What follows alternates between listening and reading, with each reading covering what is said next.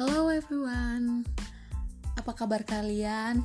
Saya berharap kalian baik-baik saja karena pada saat ini kita sedang menghadapi pandemi COVID-19.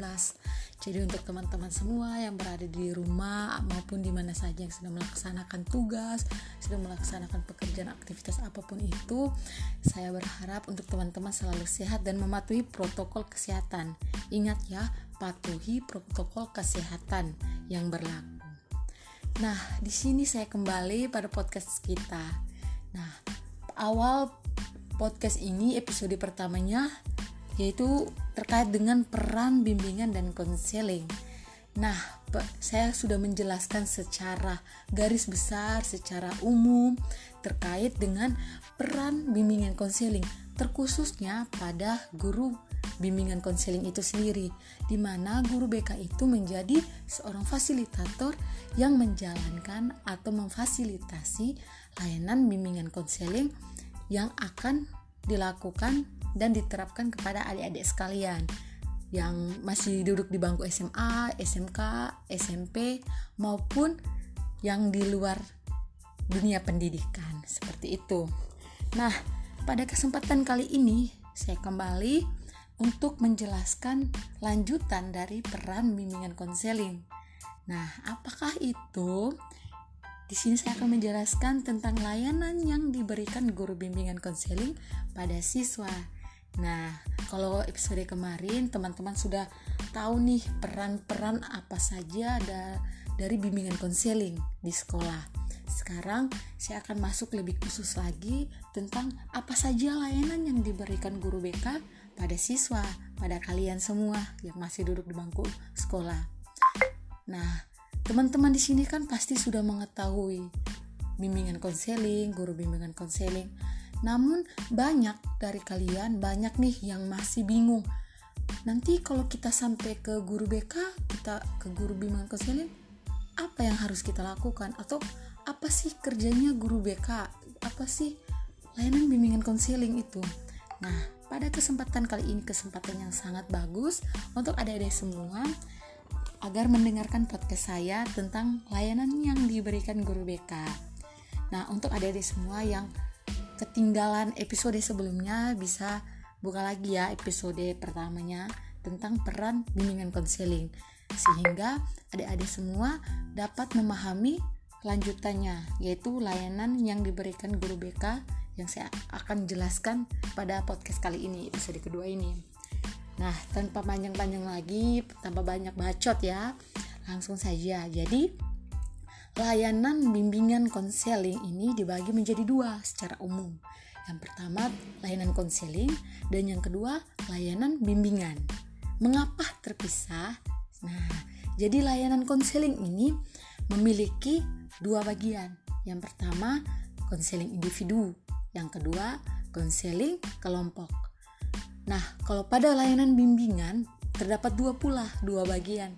Yang pertama layanan bimbingan kelompok dan yang kedua layanan bimbingan klasikal.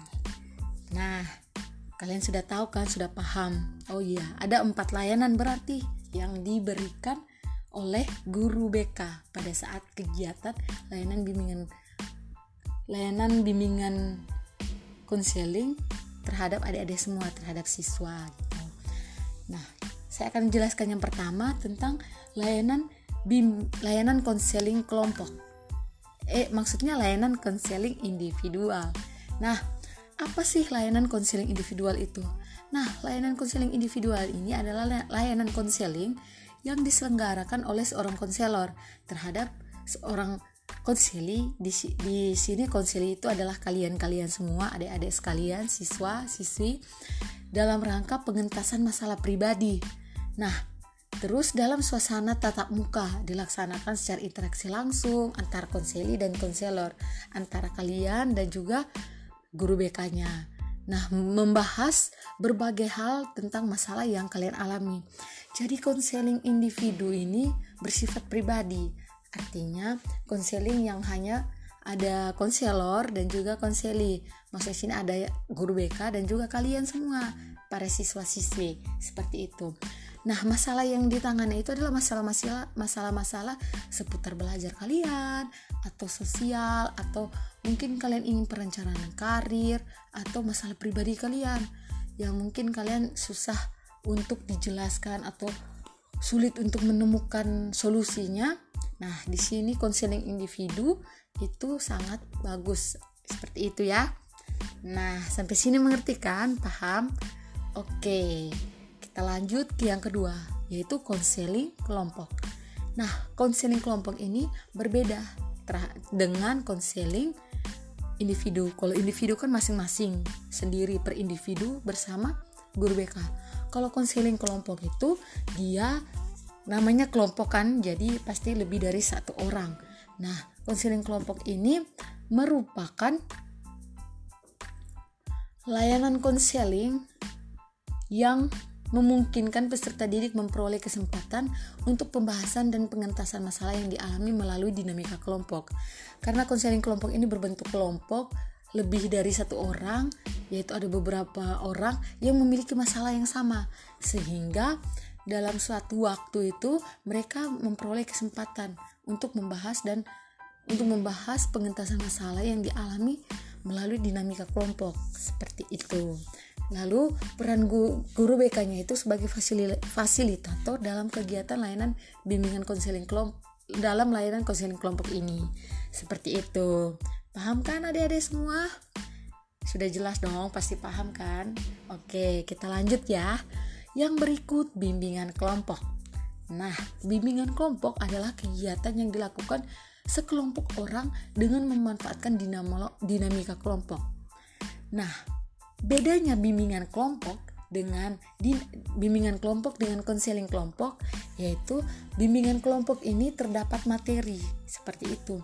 Jadi materi yang akan dibawakan oleh guru BK kepada adik-adik sekalian dengan memanfaatkan tetap dengan memanfaatkan dinamika kelompok. Seperti itu ya. Oke, yang berikut itu yang terakhir yaitu bimbingan klasikal. Nah, Mengapa dibilang bimbingan klasikal? Karena bimbingan ini dilakukan menggunakan kayak menggunakan kelas seperti itu, bimbingan klasikal, bimbingan kelas. Jadi dia bukan hanya kelompok. Kalau kelompok kan dalam kelas bisa dibagi-bagi dalam beberapa kelompok. Nah, kalau bimbingan klasikal itu dia bimbingan kelas seperti itu merupakan program yang dirancang dengan mengadakan pertemuan secara tatap muka dengan konseling dan berbasis kelas seperti itu. Nah, kegiatan ini bersifat pencegahan, pemelihara dan pengembangan. Juga terdapat materi yang dibawakan oleh guru BK kepada adik-adik sekalian seperti itu.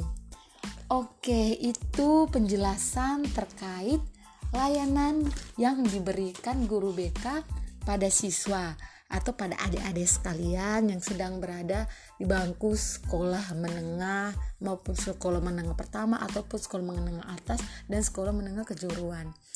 Nah, saya berharap di sini adik-adik semua mendengarkan podcast saya dan memahami, oh ternyata guru BK ini atau layanan bimbingan konseling ini sangat diperlukan adik-adik baik itu untuk pengentasan masalahnya adik-adik sebagai pencegahan agar adik-adik mereka tidak terju, ter, terjerumus dalam masalah-masalah dan juga pengembangan potensi. Mungkin di sini ada adik yang masih bingung terkait dengan potensi seperti apa, potensi saya, minat, bakat saya. Nah, itu bisa dijelaskan, adik-adik bisa menerimanya itu melalui layanan bimbingan konseling yang ada di sekolah adik-adik. Seperti itu.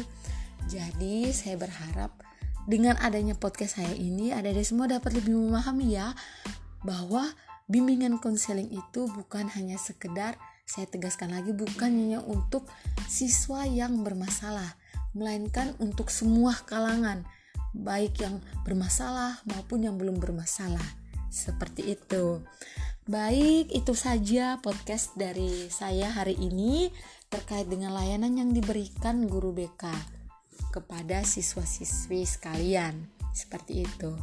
Oke, saya pamit undur diri. Selamat menjalankan aktivitas kalian semua. Tetap patuhi protokol kesehatan. Sampai jumpa, see you next time di episode selanjutnya. Bye bye.